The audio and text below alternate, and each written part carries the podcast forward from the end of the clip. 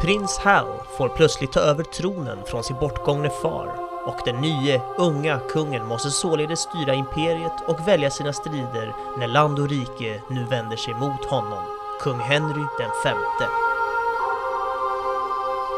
Filmen är skriven av Joel Edgerton och David Michaud och för filmens regi står den sistnämnde David Michaud. I rollerna ser vi bland andra Timothy Chalamet, Joel Edgerton, Robert Pattinson, Lily Rose Depp, Sean Harris och Ben Mendelsohn. Filmen hade svensk premiär den 2 november 2019. Den är 2 timmar och 20 minuter lång och hade en budget på cirka 23 miljoner dollar. Idag ska vi prata om The King.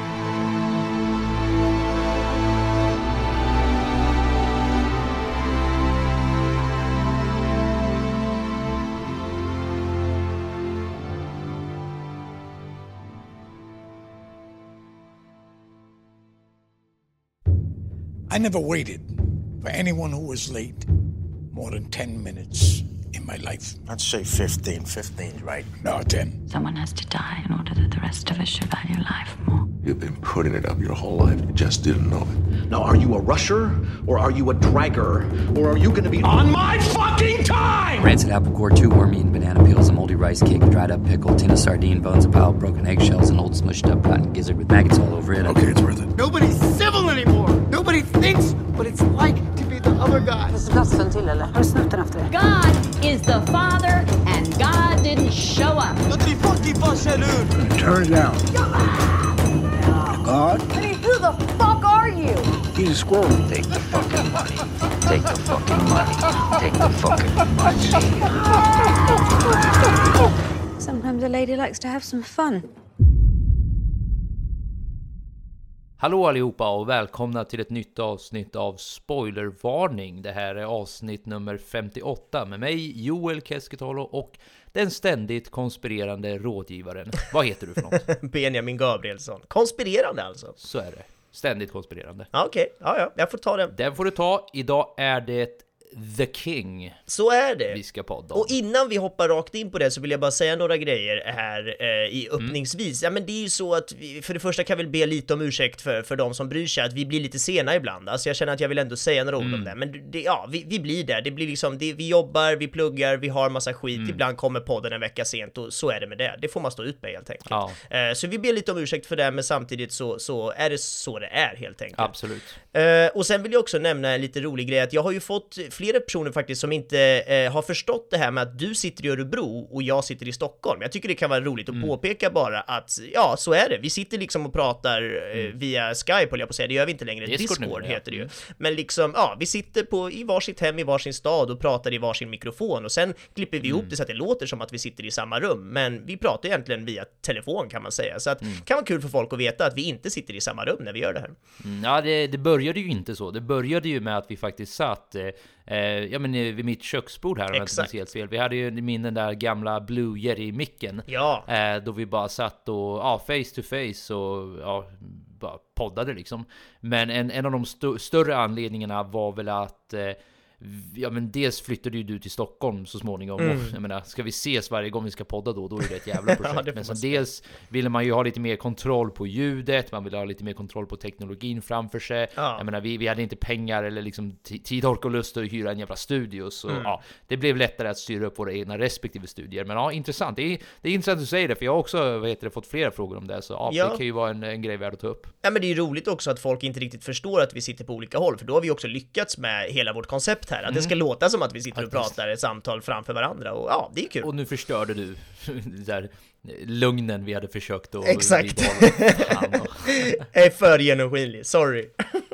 Jag förlåter dig. Eh, Tack. Men eh, ja, The King tänkte jag. Ja. Eh, vad, du, var- det var du som valde den här. Så Mm. hur kommer det sig att du valde den? Varför blev det The King? Det var egentligen inget roligare än, än att jag eh, behövde en film att podda om och den här filmen har ju liksom scrollats förbi väldigt många gånger från min sida och den har legat i min watchlist väldigt länge och podden är ju ibland ett väldigt bra verktyg för att du vet ta tag i de här filmerna man, man kanske ibland skiter i lite för länge så att eh, det var en, en eh, ja det blev den för att den, den fanns där och att jag har tittat på den många gånger, alltså själva omslaget så att nu nu var det dags kände jag. Och dags var det. Så vad säger du? Ska vi dyka rakt in i filmen? Ja, det tycker jag. Får jag börja? Det tycker jag. Kör på. Kul. Eh, ja, men jag vill ju börja just för att jag vill prata om det här som vi har pratat om många gånger med biases, alltså Mm. att vara bias. Eh, Det har vi ju snackat om, men vad är det vi brukar säga alltså, på svenska? Jag tror att vi, det, det närmsta ordet vi kom just då var att man är vriden. Ja, eller hur? Någon slags Att man är vriden, man tenderar... eller? Precis, partiskhet är ett annat bra ord för det. Ja. Men att man, ja, att man helt enkelt har en förinställd eh, bild eller förväntning eller förhoppning om någonting, vilket gör att omdömet av den kan färgas u- Ja utifrån men det. exakt. Liksom. Och det är verkligen så jag känner här, för jag vill ändå lägga upp några variabler här som, som får mig att tveka en aning på min egen bedömning av den här filmen.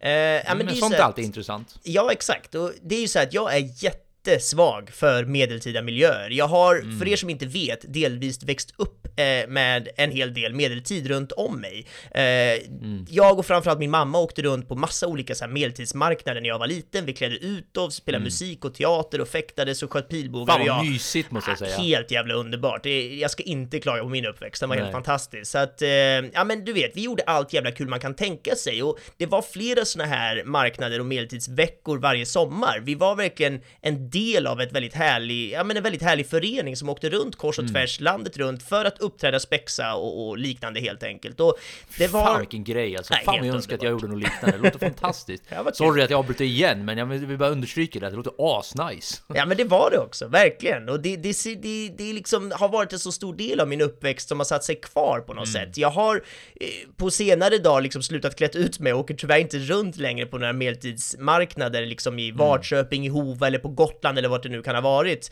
Men jag har liksom den här fascinationen kvar och jag älskar när filmer tar mig tillbaka till den här svunna tiden. Ja. Eh, jag har väl redan nämnt i något avsnitt tror jag hur, hur jag är liksom kär i den här gamla Robin Hood Prince of Thieves-filmen med Kevin Costner i huvudrollen. Precis. Eh, den kanske mest slitna VHS-filmen jag någonsin ägt och jag såg den liksom flera gånger i veckan och jag kunde, till slut kunde jag liksom de, de jag kunde replikerna utan att jag ens egentligen kunde engelska. Så att, Jaha. ja, det, det, det var ju en jävla del av mitt liv. Så den och många andra såna här filmer som porträtterar medeltid och liknande, ja, det, det var li, mitt lilla magiska fönster in till den här riddarvärlden som jag så gärna ville vara en del av och som jag på den tiden, alltså back in the days, faktiskt var en del av. Så det spelar ju såklart in här. Och jag råkar dessutom vara ganska svag för skådisen Timothy Chalamet här, eller hur vi nu uttalar hans namn. Jag tror att det är Chalamet.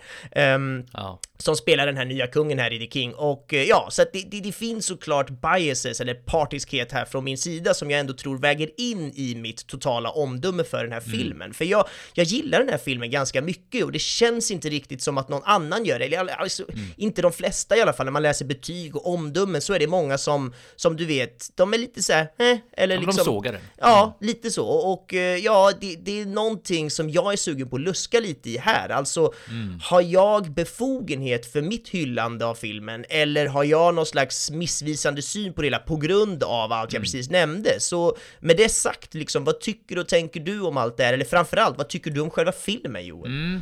Ja, men jag börjar med att svara på frågan du ställde om du har fog för någonting av det du säger. Ja. Eh, eller om dina biases helt och hållet har tagit över och, inte, och du kan inte se klart det Mm. längre. För det kan ju såklart också hända. Det har ju hänt oss alla i jättemånga olika sammanhang. Ja. Men jag tänker att eh, jag kan börja så här. Det jag tycker om den här filmen väldigt mycket, det är att jag gillar worldbuilding aspekten av det. Lite som jag pratade i förra avsnittet om eh, The Lighthouse.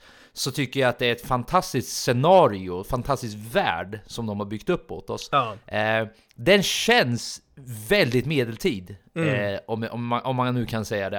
Eh, den är väldigt vacker, eh, den är stundtals väldigt smutsig, den är väldigt eh, dark and gritty, mm. sådana begrepp som man brukar använda. Så jag tror alla de här grejerna ändå ger fog för den här biasen du har. Eh, det är inte bara så att du får höra att ah shit, vi befinner oss i medeltiden så därför måste jag gilla den. Utan jag tror att det har att göra med att du också vaggas in i känslan av att du är i medeltiden. Eh, för jag tror inte att den hade kunnat gjort det automatiskt utan att de hade gjort ett bra jobb med den där. Nej. För det, den är ju en otroligt vacker film måste jag säga. Det, det, det slår jag verkligen fast i. Men, och det kommer ju alltid ett men vet du. Det är ju så, och det är det jag ser Lite lite fram emot här. Var ska han? Var ska du? Ja men lite som Ned Stark, och han är ju såklart inte den enda som har sagt så obviously, han är ju en fictional character, men jag tror han säger någonting i stil med My brother once told me that everything a man says before the word but doesn't count. det är alltså Ned Stark i Game of Thrones som säger Precis. Ja. ja. Jag tycker det är så jävla bra för man kan ha så fina utläggningar, det kan låta så bra, men så fort det där männet kommer mm. så är det ändå så här, ja, allting du sa var egentligen pointless. nu är det inte riktigt så, men du förstår vad jag menar. Ja, absolut. Nej, men så här. På samma sätt som du eh, må vara lite vriden, lite partisk, lite bias till mm. den medeltidska perioden på grund av att du då har levt medeltiden liksom till viss del i din uppväxt. Ja. Eh, så är ju jag, särskilt numera, väldigt biased, partisk, vriden när det kommer till historia. Mm. Eh, för du vet ju hur mycket jag de senaste åren har grottat ner mig i historia. Ja, verkligen. Och eh, det är väldigt svårt för mig nu att inte se typ världen egentligen, verkligheten, mm. ur eh, olika historiska, liksom en, en historisk förståelse. Mm. Och med det menar jag inte att jag går runt och tänker på det här hela tiden. Det är inte så att jag blivit helt psycho och bara ah oh, shit, att jag sitter här är en produkt av det här och det är resultatet av de där trenderna. nej, nej, nej, för helvete. Eh, men det blir väldigt mycket att eh, Ja, men man tänker i de banorna, för man lyssnar på poddar om det, mm. man läser böcker om det, man eh, tar till sig videor om det och så vidare. Ja. Så när du då presenterar en film som ändå till viss del, det här går också att diskutera hur mycket den försöker vara historisk och hur mycket den försöker vara baserad på William Shakespeares eh, pjäser om den här. För det finns ju pjäser också om Henry V mm. eh, och så vidare. Men som sagt, på samma sätt som att du inte kan fly undan din partiskhet så kan inte jag göra det nu heller. Mm. Vilket gör ju att den här filmen dras ju tyvärr ner för mig. Mm. Och det är ju av anledningen att det här är en så fascinerande period i engelsk och fransk historia. Och det fanns så mycket man kunde, och jag ska inte säga så här, kunde det är inte så att det är för sent, det här kan ju mycket väl vara en av många filmer. Ja. Men det jag tycker, jag, jag, saknar så mycket häftiga saker man hade kunnat gjort eh, utifrån den här perioden. Och eh, jag vet inte hur du vill fortsätta diskussionen nu, om du vill att jag ska lyfta lite här eller om du vill kommentera det jag nyss sa, så vad, tycker du om, ja, how do we proceed? Jo, men jag kan ju börja med att bara snabbt flika in att jag, jag tycker det är jätteintressant i och med att du har ju som du var inne på en egen bias, fast åt andra hållet, här med en historisk mm. aspekt, vilket jag såklart också skulle kunna haft, men eftersom jag inte kan historia lika mycket, utan snarare bara går efter någon slags medeltidskänsla. Jag, jag är väldigt mycket så här, ja, känns det rätt medeltid för Mm. mig med rätt liksom, att den är rätt gjord, att den känns välgjord, och jag kommer gå in mer på det tekniska, vad de faktiskt har lyckats åstadkommit med allting. Men, Mm. men jag tror ju att för mig är det mer en övergripande ton och känsla av Ja. medeltid som lyckas här förmedla och fånga mig på, på rätt sätt. Och därför Mm. blir jag väldigt positiv och upprymd. Medan du har nog kanske ett mer kritiskt öga utifrån den Mm. här liksom historiska, eh, ja men vad som rent historiskt har skett och inte skett. Precis. Och det tror jag är, ja men det, det är bra att vi tydliggör det och jag tycker Mm. också att det blir intressant eftersom vi har på oss ganska olika glasögon då när vi väl ser på filmen. Ja, jag, jag tror det, det ligger mycket i det du säger nu, för jag kan till och med ge dig väldigt mycket av det du säger. Jag kan också tycka att, eller jag får också känslan av att det här skulle kunna vara en medeltida värld. Mm. Eh, och jag dras väldigt mycket med i, alltså hade jag inte haft den här eh, historiska, liksom kritiska ögat, då hade jag nog tyckt att det var en väldigt bra film. Mm. Eh, eller en bra film i alla fall, kanske inte väldigt bra, men en bra film. Ja. Eh, bra på många sätt. Eh, men som sagt, jag, jag kan liksom inte fly undan det här. Eh, låt mig bara lyfta upp ett par exempel så ska du få höra varför, varför jag stör mig så mycket på det. Ja. På några av grejerna i alla fall. Jag förstår att de har mixat Shakespeares tolkning och de faktiska historiska händelserna. Mm. Eh, så det jag säger nu kommer vara lite så här, ja ah, men Joel, det är ändå inte det de har försökt att göra. Det, så det är inte det jag säger, det jag säger är när de valde att välja Shakespeares tolkning så tycker jag att det var fel väg att gå. Okej. Det är det jag säger. Mm, mm. Jag säger som sagt inte att de inte har gjort det, jag är medveten om att de har gjort det. Jag tycker bara att det var fel beslut. Ja. Så ta avbildningen av eh, Henry V, det vill säga, vad heter det, Timothy Chalamets karaktär. Mm, mm. Alltså kungen i princip. Mm. The King. The King, precis. I den här filmen så presenteras ju han som en drunk som hade en taskig relation med sin farsa, som motvilligt ville ha tronen och som var ja, men en ganska decent guy egentligen. Han ville liksom inte kriga, eh, han, eh, han ville ena sitt folk. Du vet, alla de här fina aspekterna som man egentligen vill ha hos en king, Mm. eh, hos en kung. Eh, och eh, han blev manipulerad, han missförstod saker och därför blev det som det blev. Den riktiga William, eller Henry menar jag, han var han var en krigarkung. Alltså han var en väldigt, väldigt, eh, vad ska man säga, en väldigt skicklig politiker. En väldigt, eh, alltså för att vara så ung så var han väldigt eh, liksom framgångsrik i manipulation. Eh, man ser i filmen så ser man att eh, karaktären har ett R ungefär vid kinden. Det är från, så det är kul att de ändå refererade till det här, men jag hade hellre sett det här. Den pilen fick han faktiskt i huvudet när han var med i ett, i ett slag. Okej. Eh, och han var typ så här 16 år gammal. Eh, så bilden jag får är mycket mer än så här, typ Tywin Lannister, Jamie Lannister, du vet Ned Starks äldre Mm. bror. Nu är det Game of Thrones-referenser så jag, jag ber om ursäkt till er som inte har sett det. Men det jag er menar är själva. någon som är... ja, exakt. Nå, någon som är mycket mer aggressiv och någon som är mycket mer... Eh, vad ska man säga, mycket mer slug i den bemärkelsen att han är ganska makt, inte, jag vill inte säga maktgalen, utan han är bara väldigt framgångsrik politiker på den tiden. Ja. Eh, så nu med det här sagt, nu förstår du hur jag då går in och förväntar mig Henry. Vad tycker du om det då, med tanke på hur han porträtterades? Ja men jag har ju liksom väldigt, väldigt dålig koll på, på den historiska, så här, vad som hände historiskt och jag har heller ingen koll på, på liksom Shakespeare och hur han valde att berätta och porträttera den här tiden eller den här kungen. Så att jag har egentligen inget alls att säga förutom att jag snarare vill höra mer om, om vad du tycker och ka- kanske i så fall att jag ställer en liten fråga, vad är den, finns det någon tydlig skillnad där mellan hur Shakespeare har, har berättat det här och hur det liksom berättas i historieböcker? Eller vad, vad är det vi kan säga där kanske för oss som inte har någon koll? Ja, alltså så här, jag är ju mer insatt i det, det historiska än med Shakespeare, men Ja. det lilla jag vet det lyckades gräva fram, det var ju just den tolkningen av att han var lite av en drunk. Alltså The King.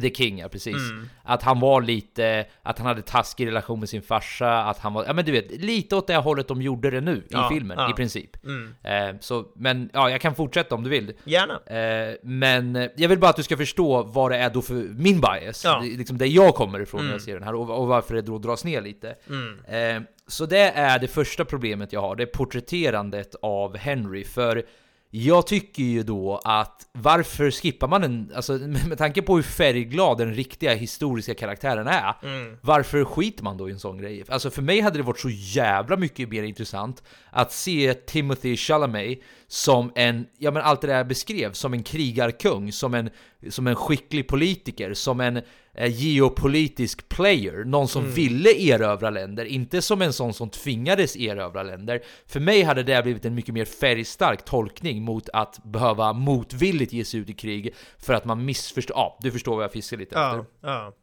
Så det är ett exempel. Sen kan jag också tycka, eh, och jag ska inte gå igenom allt, för jag har skrivit upp ganska många små exempel. Jag, jag väljer att strunta i det här nu, för alltså när det kommer till små saker, det är jag helt okej med. Alltså, för jag menar, jag, jag tror inte att jag tror det är svårt att få med allt när det kommer till historiska avbildningar, Ja. och jag tror inte att det är önskvärt heller. För jag tror att ibland kan man dramatisera saker som faktiskt får filmen att bli bättre. Och man kan ta det då med en nypa salt och säga mm, okej, det hände troligtvis inte på det där sättet. Ja men ta Gladiator till exempel. Där händer det saker som absolut inte hände historiskt. Men det funkar, för de har fått med de, de bredare historiska liksom, eh, vad heter det, händelserna. Ja. Eh, de är så pass små att det inte är så avgörande och man behåller fortfarande trovärdigheten. Mm. Eh, så jag har inga problem när de ändrar små saker, så jag kommer inte gå in i dem så mycket. Men samma sak, relationen som Henry, det vill säga The King, har med sin far eh, tycker jag också var en missed opportunity. För sättet det porträtterades nu var ju att det var väldigt frostigt mellan dem. Eh, och att eh, Henry V motvilligt tog tronen för att vet, han hatade sin farsa, alla de där grejerna. Ja. Historiskt sett så kom de väldigt bra överens. Eh, det, det roliga, de hade olika disagreements, alltså de, de kom inte överens mot vissa saker. Och det hade att göra med utrikespolitiken, och där faktiskt, och jag, jag har för mig att det var så, jag kommer inte riktigt ihåg säkert, men jag har för mig att det till och med var så att Henry den femte, det vill säga the king, var den som var den mer aggressiva. Var den som ville in i Frankrike och ta över och liksom reclaima olika, ja, förlorade här, områden. Ja. Eh, så liten missed opportunity kan jag tycka där också. Det hade faktiskt varit häftigt att se, alltså den här tolkningen, ja, den var väldigt känslofylld. Den fick en ju känna och den fick en ju att, det var inte dålig i sig. Det, det är lite det här jag försöker säga, jag tycker ingenting var dåligt i sig. Det blir bara det att jag, jag kan inte komma bort från vad som kunde ha varit om man liksom tog historien seriöst. Mm.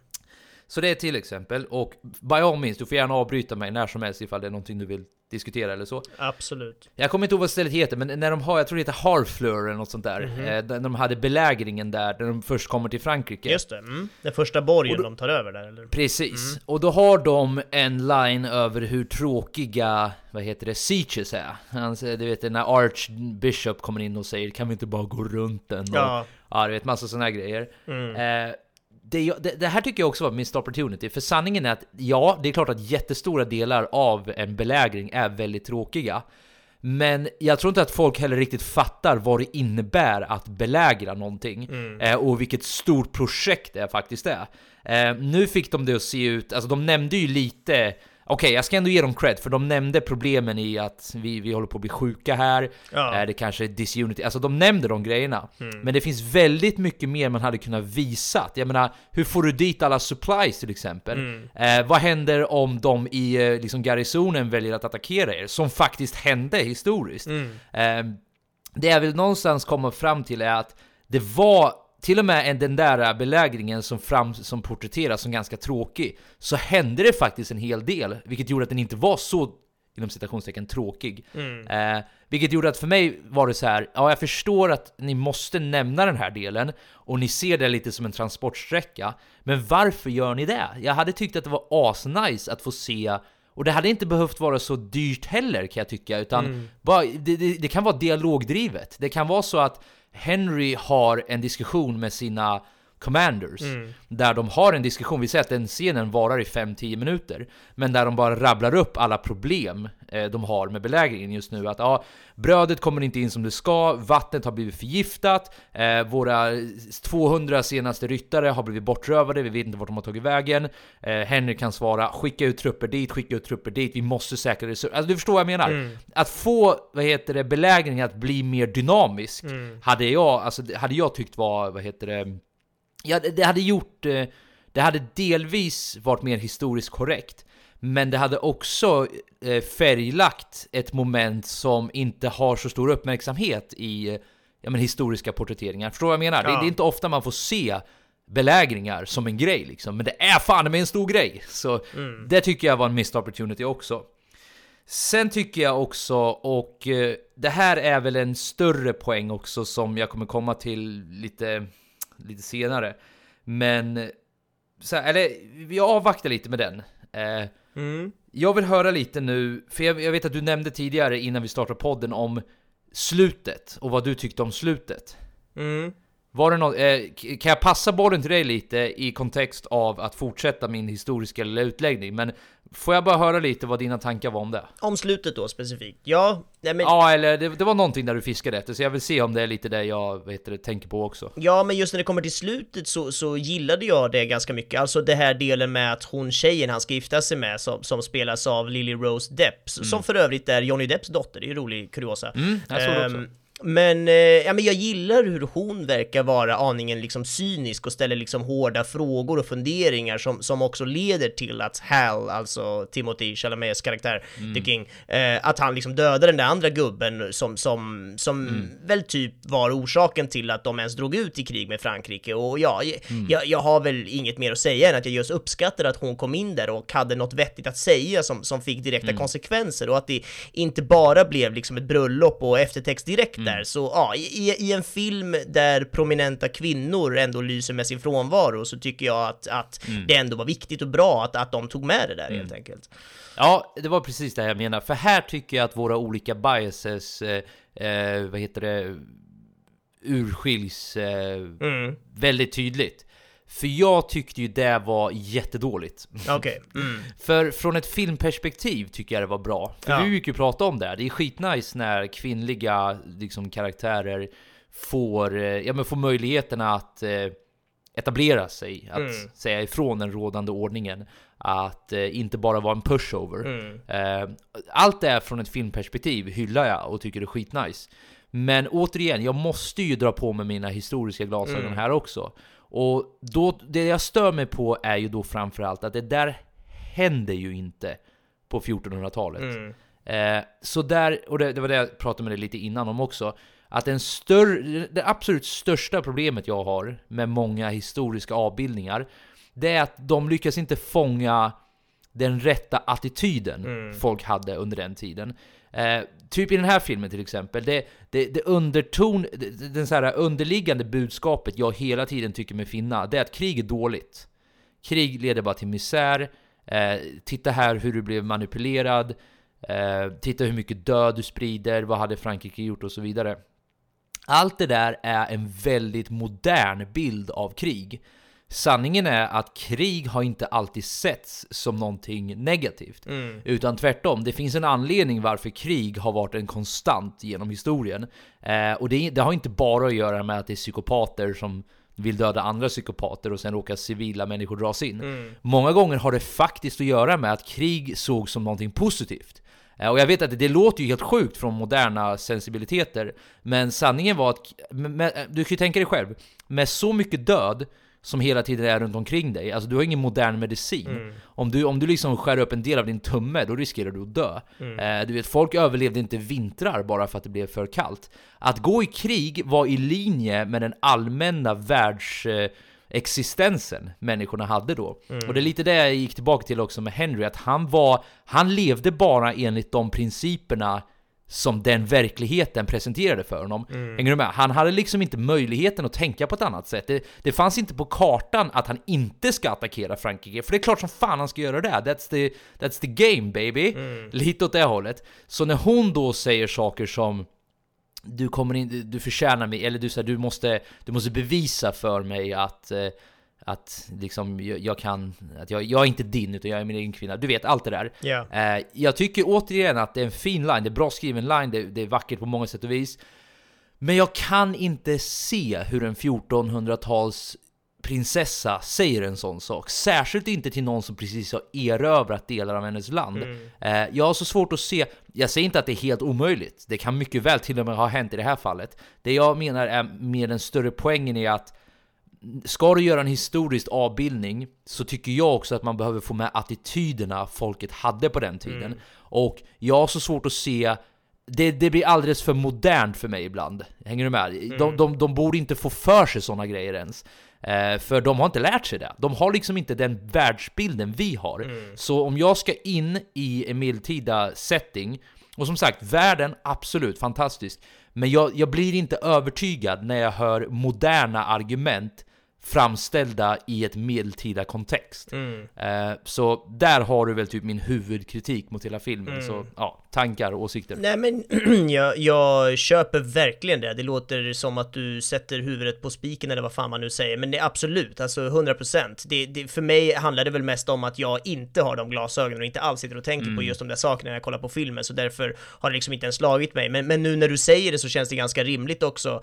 Eh, eller rimligt, det känns, det känns som att din poäng verkligen finns där i och med att kungen då att han är den som inte vill gå ut i krig och att han känns liksom lite modern och är såhär nej, vi ska inte slåss i onödan och hela den grejen, medan det säkert inte var så. Och du nämnde ju till och med att rent historiskt så, så var det till och med så att han, Henry den femte, ville kriga mer än sin pappa till och med. Och han, han var lite av en krigarkung. Ja, och det verkar de ju ha gjort motsatsen till här. Så att jag håller helt med om att det verkar vara någon slags modernt perspektiv, modern blick, moderna tankar utifrån någon slags liksom, eller så här, man, man, har, man har klätt ut eh, de moderna tankarna till medeltid, men att det fortfarande är så vi tänker idag på ett annat sätt. Och ja, jag kan verkligen hålla med om så här i retrospekt när vi sitter och pratar om det, att nej, det, där tar det ju bort såklart massa av, av vad den här filmen kan och bör kanske, eller ska, eller vill, eller kan förmedla framförallt, och utifrån ett historiskt eh, perspektiv då. Så att eh, Nej, jag, jag köper det med hull och hår allt du säger, även om just det där inte träffar på mig, så att när jag väl sitter där och tittar och liksom bedömer, så känner jag ju inte det där, utan jag känner ju mer, mm, mums liksom, för att jag, jag är ju, som jag har pratat om, bara lite glad att få vara inne i den där världen, och så är det bra skådisar, så är det liksom skitsnyggt gjort, och det, det, det låter, det kanske är plattaste jag har sagt, men ibland räcker det för mig att det är liksom välgjort och liksom bara snyggt och bra, då räcker det, och då behöver jag inte den där djupare, liksom, i det här fallet då, historiska kontexten kontrasten som, som, som kanske behövs i ditt fall. Och ja, det får man väl egentligen se som en svaghet kanske utifrån att jag kan bedöma filmer högre än vad de egentligen förtjänar att vara. Men man kan också se det som någon slags, här, ja men vad skönt att jag bara kan luta mig tillbaka och Ja. njuta av en film på ett sätt som jag kanske inte alltid kan, för jag kommer ju ofta med kritik eh, som, som kanske inte alla kommer med och då är det väl skönt att jag just i det här fallet inte gör det på något sätt. Ehm, Alltså jag tror så här, jag tror inte man ska skämmas över, eller tycka att det är dåligt över, man tycker det man tycker och man känner det man känner i, i, i filmtittandet. Och det är därför jag tycker det var så jävla nice att du inledde allting genom att prata om biases. Ja. För jag, jag håller, jag, jag köper det helt, för när jag kollade på den här filmen, då var det som att jag såg två filmer samtidigt. Mm. Jag såg filmen som en ensamstående film där jag glömmer bort alla historiska kopplingar och där Filmer jag jag inte ser. har... Ja men lite så Mm. faktiskt. Och jag tycker ju, alltså, precis som du, jag tycker den är skitmysig. Mm. Alltså det, var- det var därför jag ändå, trots då att hela tiden ha det här parallella perspektivet, ändå kunde njuta av den. Ja. Eh, och eh, jag tycker ju dessutom att det finns, alltså jag tycker det är nice att få gå igenom mina egna historiska kunskaper, för Mm. det är ju ofta när någonting avviker från någonting som man verkligen uppmärksammar det, att ah, händer det verkligen sådär? Mm. Och nu blev det också att jag fick researcha det här lite mer för att vara lite förberedd inför den här, så Nej, jag tycker, jag tycker det är nice att kunna ha de här olika ingångarna liksom. Och det blir ju en naturlig konsekvens av de ämnena man väljer att fokusera på också. Skulle vi sett film om, som handlar om ditt hjärteämne, låt oss säga filmskapande, jag vet inte fan. Mm. Men jag hade ju kunnat sett en sån film och bara wow shit, det är säkert så här det går till, det verkar ju skitnice. Medan du Mm. skulle kunna säga, alltså lyssna, Sure, det ser vackert ut, de filmar bra och de har vissa saker korrekt, men det du måste veta Joel, det är att det här inte stämmer, det här inte stämmer, det här inte stämmer, Mm. det här inte stämmer. Lite liknande i det här fallet, så ja, nej, jag tycker att det, det är där, eh, vad heter det, det skiljer sig tydligast. Det är våra förinställda liksom eh, kunskaper när vi går in i den här filmen. Ja, precis. Som då ger oss varsina par glasögon med olika, Ja. liksom, vad, vad säger man, synstyrka på helt enkelt. Mm. Och, eh, nej men jag skulle bara vilja betona en grej här, för vi pratar ju lite om, om filmens, eh, ja men vi pratar ju om massa grejer om filmen, du pratar väldigt mycket om den historiska aspekten som jag kanske kommer knyta an lite till här då, men med Ja. otroligt så här, jag har ingen aning vad jag egentligen pratar om, är vad jag försöker säga. men jag gillar eh, att den här filmen är rätt så lågmäld. Mm. Alltså att det finns, för det finns ju liksom när jag har varit inne och läst lite så tycker jag att det är många som klagar på att den stundtals är liksom lite seg och att det kanske inte händer tillräckligt mycket i den. Men jag gillar just den här liksom lågmälda, ehm, Mm. ja men jag tycker det tillför en, en, en realistisk ton på hela filmen. För Ja. som jag har förstått det så, eller så här, som, som jag trodde fram tills att vi började podda så tänkte jag att men det här är nog ganska historiskt korrekt, du vet. De här människorna har ju funnits och de här slagen har hänt på riktigt. Så att eh, jag har ju gått och tänkt lite att ja, ja, historien kanske inte var roligare än så här och det kanske inte var mer krig och konflikter än vad det är som tas upp i filmen. Och då känner jag att det är liksom en positiv egenskap av filmen, alltså att inte överdramatisera eller lägga till massa saker bara för storyns skull. Utan jag uppskattar den här mer lågmälda och lite mer inzoomade inblicken som vi får här.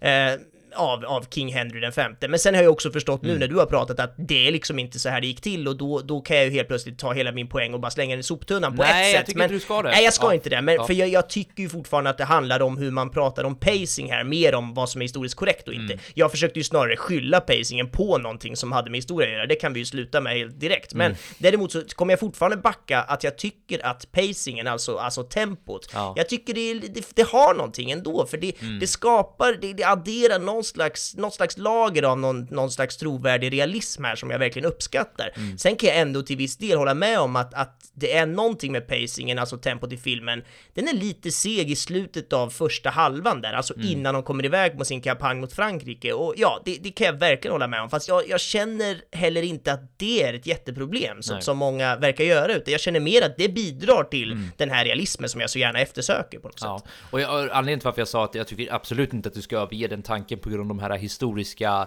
eh, felaktigheterna som jag lyfte, Mm. utan det är snarare tvärtom. Alltså du kan fortfarande, du kan fortfarande ha en film som är historiskt korrekt utan att då lyfta upp alla, du vet, särskilda historiska händelser och få det att verka mer actionfyllt. Ja, nej, för de hinner ju inte lyfta allting heller som Nej. finns och som händer. Det handlar, det handlar snarare om hur du väljer att lyfta. Det var lite det jag syftade på Vad förut. och hur? Ja, men lite så.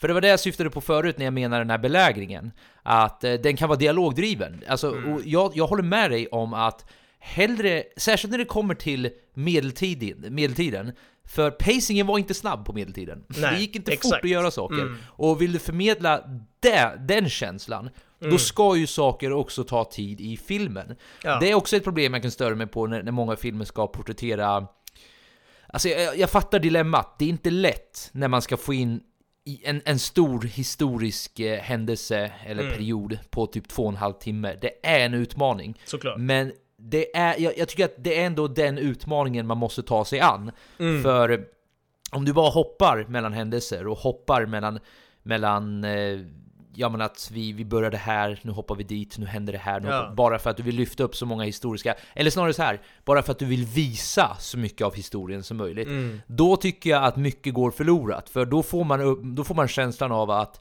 Ja men det är de här stora historiska händelserna som är avgörande för historien. Mm. Eh, liksom, ja vi hade ett strid där och därför avgjordes allt det här. Mm. På ett plan stämmer ju det. På ett plan kan ju stora strider, jag tror att Napoleon har något citat där han säger typ såhär One battle can decide eh, the fate of eh, a hundred years eller något sånt där. Och det, det ligger någonting i det. Ja. Men det är ju mycket som leder upp till de här grejerna. Mm. Om man nu tar exemplet här när de till slut kommer till eh, ja, men inte Agincourt, den sista striden. Mm. Eh, det jag tycker, och det här var faktiskt en poäng jag skrev upp men som jag glömde säga till er förut, det är att det var nice tyckte jag att hela filmen byggde upp till den climaxen. Mm. För jag kan verkligen tänka mig att det till, till viss del såg ut på det här sättet. Mm. Eh, nu, nu råkade Agincourt förvisso, det var lite av ett...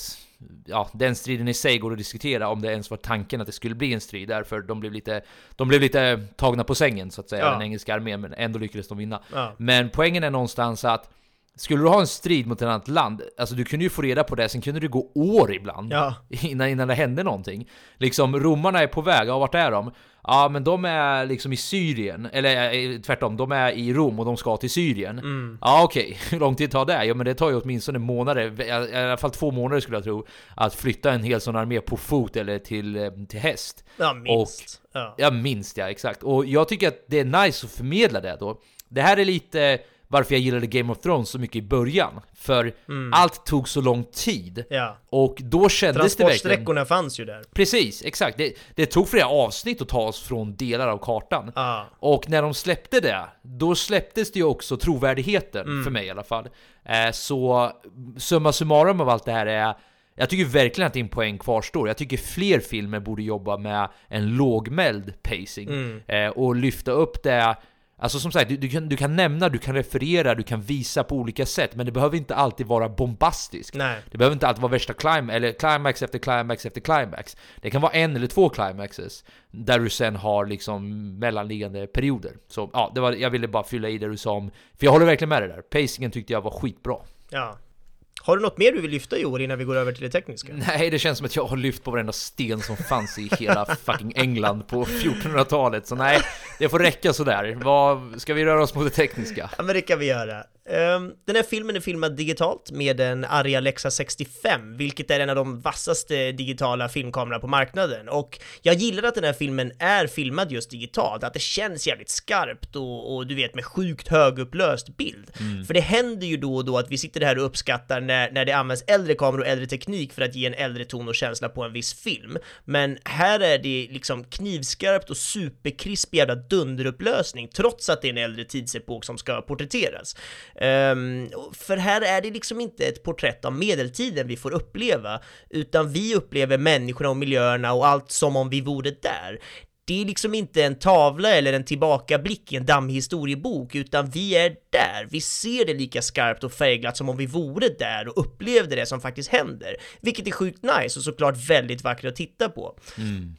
Objektiven som används till kameran är Panavision Ultra Panatar objektiv och det är alltså anamorfiska objektiv, eh, vilket innebär att det ger en mer filmisk stil på bilden. Eh, vi får den här distorsionen längst ut i bildkant där, där allt liksom eh, försiktigt böjer sig inåt i bild och, och det ger också en, en vignettering i vissa bilder och dessutom en helt fantastisk djupfokus som är helt underbar att titta på. Så att, Mm. eh, ja, jag, jag tror att de har valt just de här anamorfiska objektiven eftersom det ger en mer filmisk känsla på bilden. Kanske för att väga upp lite då mot den här toppmoderna kameran eh, så ville de ändå få in någon slags äldre och ja, framförallt mer filmisk touch på det hela. Så snyggt som fan är det i alla fall. Mm.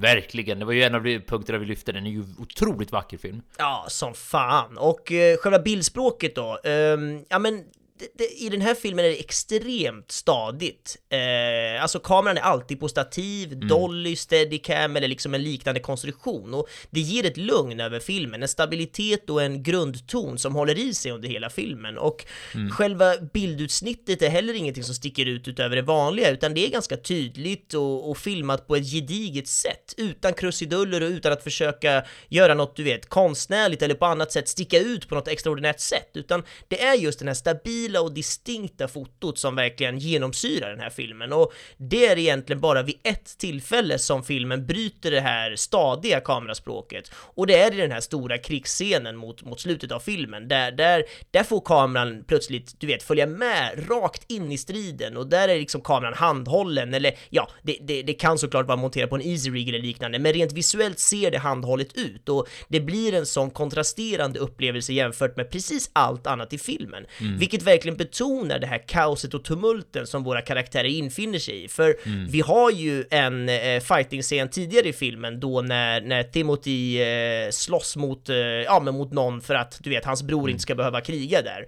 Ja, den här eh, duellen ja. Exakt, där när de båda slåss en mot en. Och eh, mm. Eh, i, i, i den scenen så filmas allt betydligt stadigare. Jag skulle gissa att det är filmat med mestadels steadicam, vilket mm. ger en flexibel och rörlig kamera, men som ändå rör sig extremt stadigt utan skak. Och varför har de då valt att filma de här två fighting-scenerna på så olika sätt? Det tror jag är för att betona de här olika situationerna som sker. I den första fighting-scenen där Timothy slåss själv så står alla runt omkring för att titta på, precis som vi också gör. Vi som publik står också mm. där och får se de två själva göra upp om vem som ska vinna. Medan i det här stora kriget mot slutet av filmen, där är alla med och slåss i leran, du vet, bland hästar ja. och pilregn och, och, och därför är även vi som publik med i det hela. Det faktum att kameran skakar och bokstavligen bokstavligen är med i fighten är just för att vi som tittar ska känna att vi är med i det här. Vi är en del av den här fighten, den här leran, pirarna och, och, och du vet hästarna som mosar igenom allt och, och alla och ja, det, det, blir helt enkelt sjukt jävla effektfullt att filma på det sättet. Mm.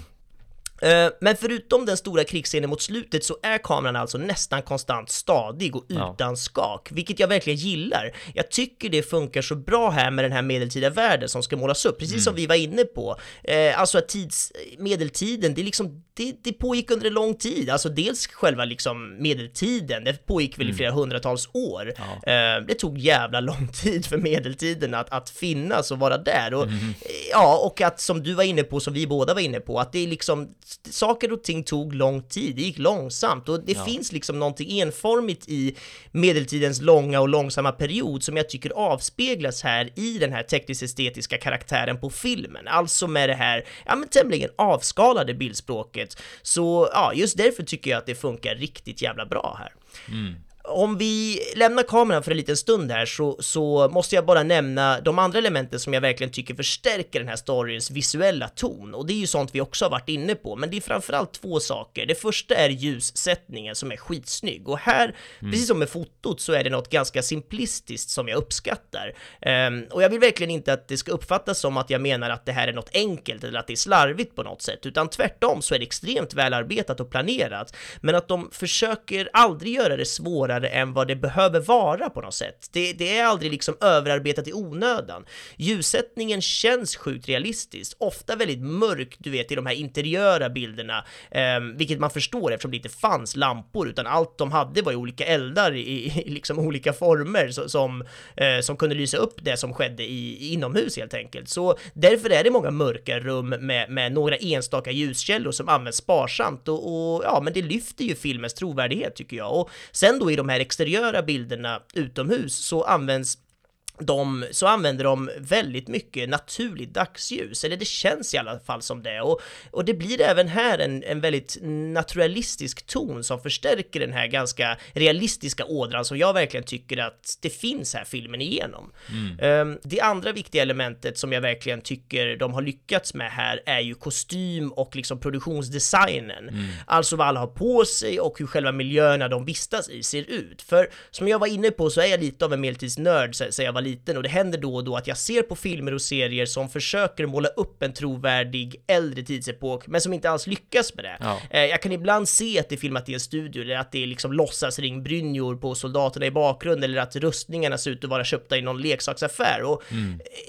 Men, men här i den här filmen så ser allt ut att vara extremt jävla välarbetat. Kostymerna är, är handsydda och, och, och tidsenliga. Ringbrynjorna består faktiskt av riktig metall och rustningarna ser ut att vara bankade av liksom smeden runt hörnet. Så att mm. även om det såklart inte alltid är så, så har de i alla fall lyckats med att få oss som tittare att tro att det är så.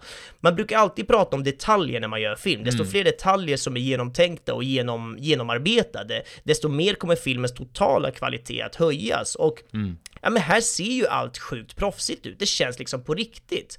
Och då ska vi ändå väga in här att den här filmen inte alls har någon megabudget att kasta sig med. Den hade ungefär 23 miljoner dollar, mm. vilket jämfört med många andra storslagna actionfyllda kostymdraman inte alls är speciellt mycket. Nej. Så ändå otroligt bra jobbat att få det att se så här detaljerat och äkta ut mm. verkligen. Ja, det var lite det jag syftade på förut när jag sa att det är en bra worldbuilding. Ja. Det känns verkligen en trovärdig värld vi befinner oss i. Ja men verkligen.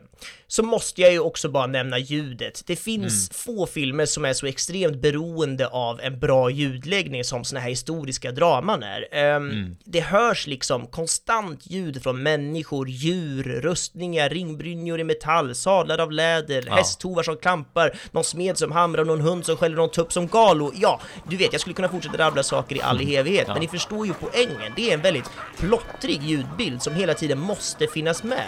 Uh, Eh, men som heller inte får vara för hög eller för påtaglig, för då finns risken att det bara blir en, en, en kakafoni av ljud som förstör den totala ljudbilden, utan det är den här perfekt avvägda balansen som hela tiden behövs, och den tycker jag de lyckas jävligt bra med här. Och till sist då så måste jag ändå bara nämna musiken som vi ju alltid gör. Ja. Musiken i eh, filmen består oftast av stråkinstrument. Det är liksom mycket fiol och typ cello och kontrabas som är de mest framträdande instrumenten vi hör, tillsammans med några såna här väldigt stämningsgivande körer. Och det finns något inom mig som tänker att just musiken inte var det som stack ut i den här filmen, för det, för det kanske det inte var, men jag vill ändå verkligen betona att jag tycker musiken är sjukt vacker och den används liksom lagom mycket, för den är ju ändå där och hörs ganska ofta. Utan att vara för talande så finns den ändå där mer som liksom en uppbyggnad och som stämningshöjare. För i såna här filmer kan det vara lätt att, du vet, dra på med mycket så här, ja men storartad, eh, bombastisk mm, musik ja. för att det är storslagna som händer i bild ska ackompanjeras av minst lika storslagen musik, typ. Men i den här filmen tycker jag ändå att de har ja, men relativt sparsmakade med musiken eh, och det gillade jag. Det liksom adderade ytterligare till den här aningen lågmälda och framförallt realistiska tonen som, som filmen ändå utstrålar och det funkar enligt mig jävligt bra. Mm. Sen har vi ju skådespel också, där jag skulle kunna fortsätta att prata. Vill du hugga in Joel när jag har pratat så mycket? Nej, men fortsätt du så hugger jag in på det du säger om skådespel. ja, det kul. känns som att you're, you're on a roll, so keep going. Ja, men vad härligt. Nej, men när vi kommer till skådespel så ska vi väl kanske börja, eller jag väljer att börja med Timothy Chalamet Ja, det blir ju det. Det är ju han som ska ja. bära den här filmen mer eller mindre. Så är det. Och här återigen, apropå biases, han är ju lite favorit hos mm. mig. Alltså första gången han dök upp i min filmvärld var ju som den unge sonen i Interstellar. Mm. Um, Just som, det ja! Det ja, har eller hur? Man tänker knappt på det. Nej, det gör man inte. Som fan. sen blir Casey Affleck, eller som spelar den, den ja, äldre liksom, versionen Stämmer. av honom. Um, men sen så var det ju liksom, det var ju först när vi såg honom i Call Me By Your Name som jag verkligen, du vet, blev förälskad. Ja, jag har kollat massa andra filmer med honom och jag bara älskar det han gör. Mm, och såklart nej, det är inte bara för att han är, du vet, ung, snygg och ser lite ut som jag, utan det är också för att han trots sin ålder ändå redan har mm. en liksom stor och bred skådespelarkapacitet som jag verkligen blir fångad mm. av och ja, jag är minst sagt betuttad får vi väl ändå ja. säga. Så att det, det här är ytterligare en så här, det är dels en hyllning till Timothy, jag tycker han är mm. skitbra, men det är också så här, ja, det är ännu lättare för mig att bara hylla den här filmen fast den mm. kanske inte riktigt ska ha så mycket hyllningar. Så att, ja, nu är det inte det vi ska prata om, vi ska prata om skådespeleriet. Har du någonting mm. du vill, du vill? Ja, där syns väl våra motståndare motstridiga biases igen, för jag tycker ju tyvärr inte han var riktigt lika bra som du tycker. Alltså, Nej. Det, det är väl delvis har det att göra med alltså den porträtteringen, eller den, den, karaktär jag ville att de skulle bygga upp. Mm. Och här är vi ju fast det där igen, vi brukar prata om, är det skriptet, eller är det, är det manuset, eller är det skådespelarinsatserna, eller mm. är det mm. någon kombination av bägge? Ja. Och eh, jag hade ju som sagt velat sett den här lite mer färgglada, lite mer krigaraktiga, lite mer cyniska, lite mer så här bomba, ja men lite mer Robert Baratheon nästan. Och då har jag så svårt Hur många Game of Thrones-referenser kan man få med i en podd? Ja, väldigt många, men det finns också en anledning. Ja, det är det jag tycker är så sad, för det fanns mycket bra med den serien serien, men det ska inte bli en, eh, det ska inte bli en diskussion om Game of Thrones. Kanske någon gång i framtiden, vem vet? Men eh, jag tycker väl att han var okej. Alltså, på samma sätt som du använder dem som exempel till varför du gillar honom väldigt Mm. mycket, så använder jag dem som exempel på varför jag hatar honom. Nej, jag skojar. Inte. Nej. Nej, men jag ser ju de prestationerna och tänker holy fucking shit alltså, det här är helt... Alltså särskilt Call Me By Your Name, Mm. vilket får ju mig att se den här och tycka han är lite bland, ärligt talat. Ja, just det. Och för att du jämför med hur bra att- han var där då. Ja, alltså Mm. det är återigen Mm. varför biaset spelar roll. Samma sak blir det ju tyvärr med Robert Pattinson för mig. Mm. Jag ser ju... Alltså, men hur sjukt är inte det att han dyker upp i vadå, tredje, fjärde filmen på Ja, är bara några veckor Nu för har oss? vi ju inte är ens försökt längre. Nej, jag, jag typ skrattade när han helt plötsligt satt, Ja. för han kommer ju också in i så här halva filmen in, Ja. så bara sitter han där med sin konstiga Exakt. franska dialekt och Ja. är så här liksom lång Nej, det var ju bara Ja. kul. Ja, det var kul måste jag säga. Mm. Jag tänkte det, för det var kul att du sa det nu, för jag trodde faktiskt först att du hade valt eh, delvis att du tyckte han var med. Superslump. Eh, men sky, jätteroligt att det verkligen var en superslump. Ja. Men eh, jag har ju verkligen, alltså jag känner nästan att jag måste omvärdera The Lighthouse. Den är så jävla bra. Alltså jag, jag såg ju om den sa jag till dig Mm. efter och herregud vad mycket jag tycker om den filmen, det är helt sjukt. Ja. Men eh, där, alltså, det- och det är ju därför det är det jag skulle komma till, det är därför jag Alltså han är lite cringe i den här, tycker jag stundtals. Mm. Och återigen, har det att göra med hur, vad han har för lines? Vad har, har det att göra med vad han är för sorts karaktär?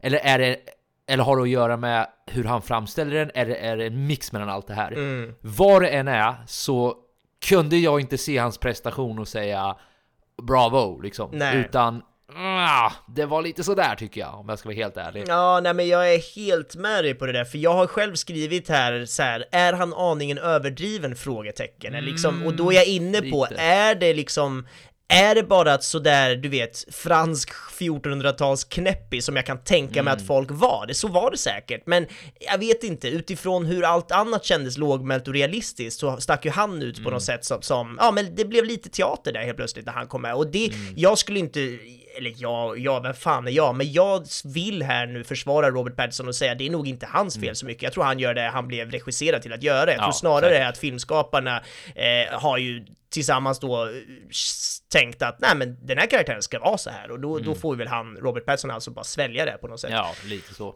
Eh, och sen vill jag ju då också lyfta upp eh, Ben Mendelsohn. Ja. Nej, inte Ben. Mendelsohn. Jo, han också för övrigt. Eh, vi, vi kan väl diskutera han lite snabbt, för han tycker jag gjorde ett jävligt bra roll. Alltså, Vem är det nu igen? Vad spelar han? Det är, vad heter det, King Henrys eh, farsan. Eh, Han Okej. som var kung först. Ja, han som dör. Eh, Mm. Ja, han som dör. Han får ju en... Det var, det var inte alls han jag hade tänkt att prata om, för han har ju en väldigt liten roll. Men Ja. där tycker jag inte att det var...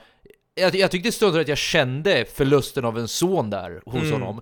Förstår du vad jag menar? Alltså att Mm. han, han bollar de här ansvaret med att han delvis är kung över det här. Ha, hans eh, yngre son måste bli kung nu för att jag har en jävla trash alcoholic till förstfödde son. Ja. Eh, men jag måste ändå make this right, för nu har den andra sonen dött och allting. Mm. Det tyckte jag ändå var lite vackert. Och han, han har ju varit med i många filmer tidigare, Mm. så har du några spontana tankar om Ben Mendelsohn? Nej men jag tyckte han var jättebra, det enda jag tänkte på var, var han lite för ung? Alltså jag vet ju inte hur gammal den riktiga pappan här var till Henry V, alltså den riktiga kungen som dör, bla bla bla. Jag vet ju inte hur åldern var på de här människorna på riktigt, men jag kände att det hade inte gjort mig någonting om han var liksom 10, 20, 30 år äldre, tänker jag. Lite mer grå och sådär. Men alltså jävla petitess, vem fan bryr sig? Men ja.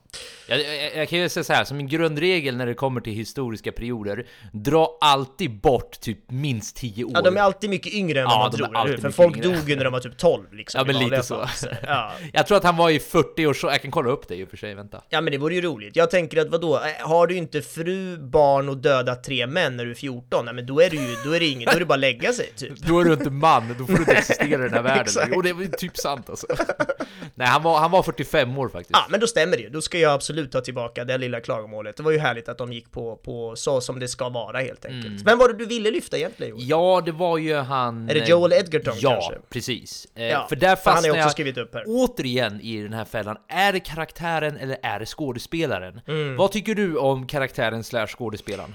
Nej men skådespelaren tycker jag mycket om, jag har ju sett honom några grejer Mm. förut. Han är ju även med och skriver manus här tror jag. Liksom, han är ju en stor del av den här filmen, Ja. mer än bara liksom karaktären han spelar. Och, och jag tycker det han gör, gör han bra. Sen är jag mer inne på, kanske det du är inne på, är karaktären rätt skriven? Borde han ha den platsen han har? Jag vet inte om det är det du vill gå in på, men jag, jag, jag tror att det är Ja, något är sånt ute efter. ja. Ja, för att det, jag kände lite som att den här typen av karaktär har man sett förut, liksom Ja, lite så kände jag. Och, och det är väl, ja, då tänker jag igen så här: okej, fanns han på riktigt? Mm, nej, Hur mycket historia har vi bakom? Nej, så då var det så här, ah, kunde de inte Mm. ha skrivit in honom på något lite mer udda sätt kanske? Jag vet inte. Nej, för jag tycker att han, åt, han blev också så representativ för vad jag tycker är den moderna tolkningen på saker. Ja. Alltså han, han skulle vara lite egen, han kommer med sina egna idéer, du vet han är så revolutionär och Mm. jag vill egentligen inte kriga men jag gör alla de här grejerna. Alltså bitch, kom, alltså, kom nej, Ja. jag, jag Mm. köper det bara inte. Eh, vilket, ja, nej, jag får nog landa i att det var nog, det är, och i och med att karaktären inte ens existerade historiskt så blir det ju lite där det landar i. För jag tenderar också att tycka att Joel Edgerton är ganska nice. Mm. Eh, jag för mig att vi såg honom i Black Mass, var inte han med där och hade en ganska stor roll ändå? Det kan nog stämma. Var Det... inte han bror typ till... För jag, har, jag har en scen i huvudet när de sitter vid matbordet och Johnny Depp är sådär obehaglig. Ja. Och han typ såhär, ja vad har hänt typ? Och, ja, jag ska inte spara den filmen för mycket men ja, jag har för mig att han är med där också. Ja. Nej men så, summa summarum så går det ju att säga... Det går, jag, jag åtminstone känner att jag kan vara lite mer kritisk den här gången än vad jag kanske brukar vara i många filmer, för... Ja, återigen, balansen mellan karaktär versus eh, skådespeleri. Mm. Men jag tycker faktiskt att... Eh, ja, jag, tycker att det, det finns någonting med skådespeleriet också hos Mm, några av karaktärerna som jag inte riktigt köper, alla gånger i alla fall. Men all in all, alltså... Det, det är ju inte katastrof, det är ju inte så att jag sitter och bara wow, vem fan är du? Nej. Vad gick du från? Vilken roll gick du från och hur blev du det här? eh, men ja, det är väl typ så jag tänker. Ja.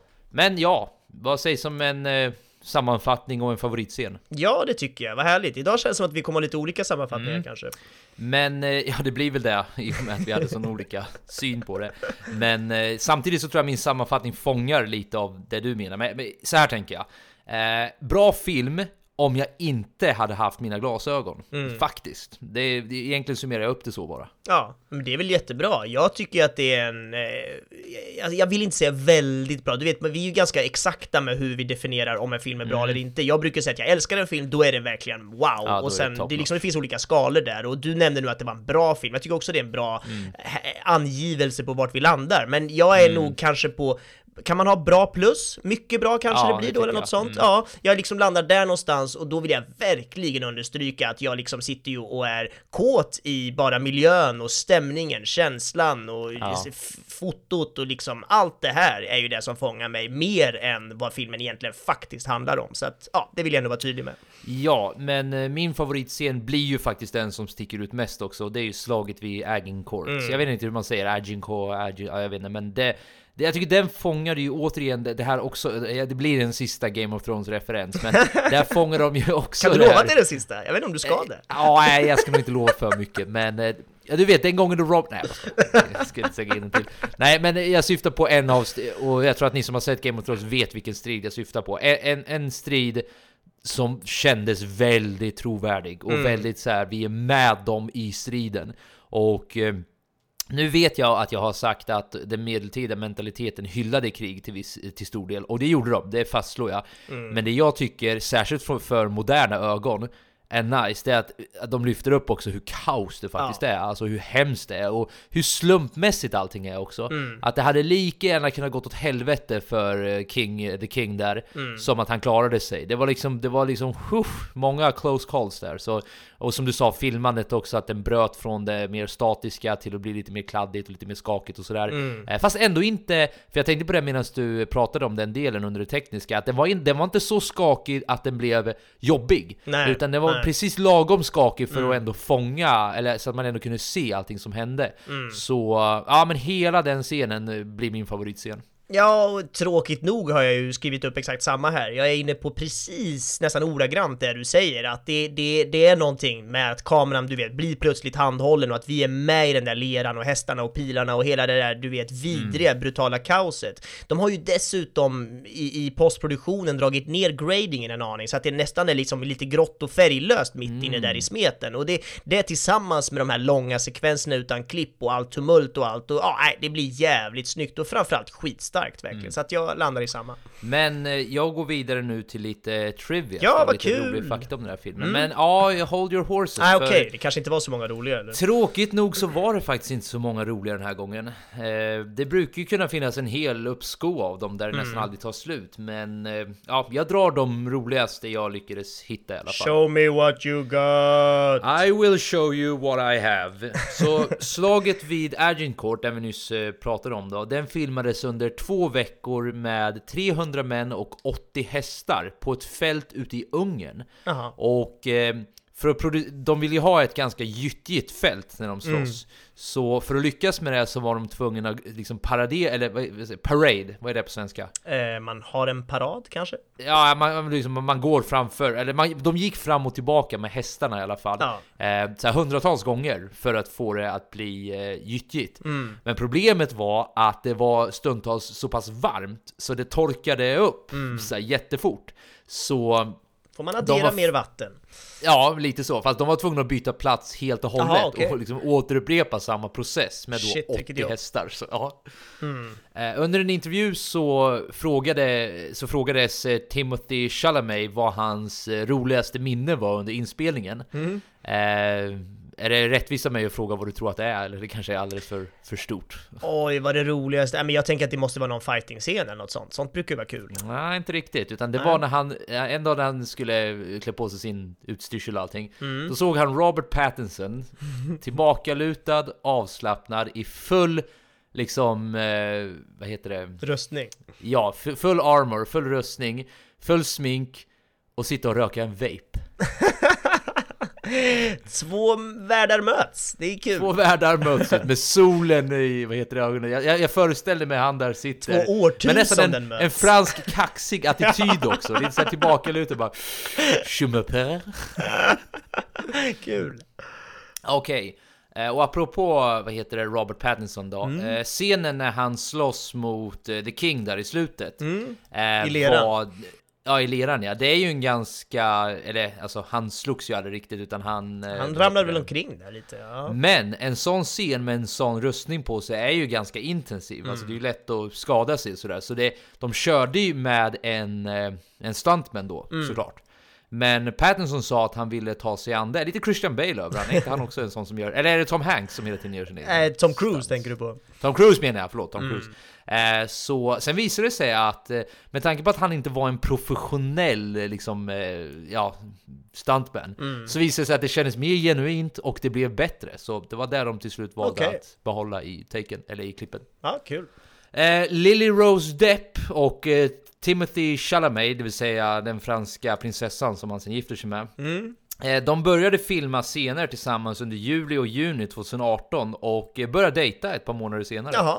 Och nu då? Nu då? bli Vad händer? Är han singel eller Ja, inte? nu lyckades inte jag hitta någonting. Eh, Jag försökte se om det fanns någonting, men det var, det var otydligt. Joel, jag känner att din så här skvallerrapportis här känns lite låg ändå. Jag är lite Ja, besviken. jag ska vara helt ärlig, jag kollade inte jättenoggrant, utan det, det kändes som att jag var klar där. Men, Du är eh, vill ni veta mer om det så borde det kunna gå och googla upp. Ni är säkert bättre skvallerletare än vad jag är. Ja, jag ska typ in och kolla. Jag är ju lite småkär i Timothy. Jag tycker han är så jävla Mm. häftig. Alltså, allt det jag nämnde förut, men sen får jag ändå lägga till, liksom, det skadar ju inte att, att hela hans familj är inne i filmbranschen och att han pratar liksom flytande engelska, franska, italienska och dessutom spelar gitarr och piano. Jag menar, wow! Vad är han egentligen för litet imponerande kultur under barn? Nej, jag vet inte. Jag, jag är kär, så är det bara. Ja, men lite mer om då Timothy Chalamet Ja. och eh, av en slump bara. Du vet den här, eh, vad heter det, han heter ju Hal i filmen. Mm. Och det råkar också vara hans mellannamn. Timothy Oj. Hal Chalamet. Coincidence? I think not! I think not. Men det räcker nog så. Som jag sa tidigare, det fanns inte jättemånga jättehäftiga. Nej. Men ni kan alltid gå in på filmens IMDB-sida för att kolla på resten av dem. Ja, kul. Men eh, nu tänkte jag pitcha nästa avsnittsfilm innan vi rundar av här. Ja, vad spännande! Ja. Nästa film kommer att I care a lot. Aldrig hört talas om, tror jag. Med Rosamund Pike, kommer du ihåg henne från Gone Girl? Det gör jag verkligen. Jag tycker att hon är, är, är svinbra. Mm. Eh, Jag har inte sett filmen. Inte jag heller, och jag ska vara helt ärlig, jag blev pitchad av Joe Rogan av alla människor. Okej. Eh, hörde du Då under går jag in med låga och- förväntningar. Nej, jag skojar. Ja men det är liksom Men jag har tyvärr redan en aning om vad den handlar om eh, Men jag ska inte säga, jag ska inte ge någon sorts hint överhuvudtaget Men I care a lot från 2020 i alla fall Ja, vad kul. Det ser vi fram emot. Men eh, berätta vart vi finns då, sen rundar vi av det här Ja, vi finns där poddar finns, in i alla podcastappar och, och ratea oss gärna med olika stjärnor och prenumerera och allt sånt där. Det är väl bra för både oss och er. Men det som är smartast är också att följa oss på Facebook. Där hittar vi spoilervarning. Vi lägger upp kommande filmer, vi lägger upp länkar till olika intervjuer med regissörer och fotografer och ja, lite sånt smått och gott. Så följ oss på Facebook, spoilervarning. Gött! Och med det så säger vi eh, på återhörande Ha det! Hej då! Hej hej!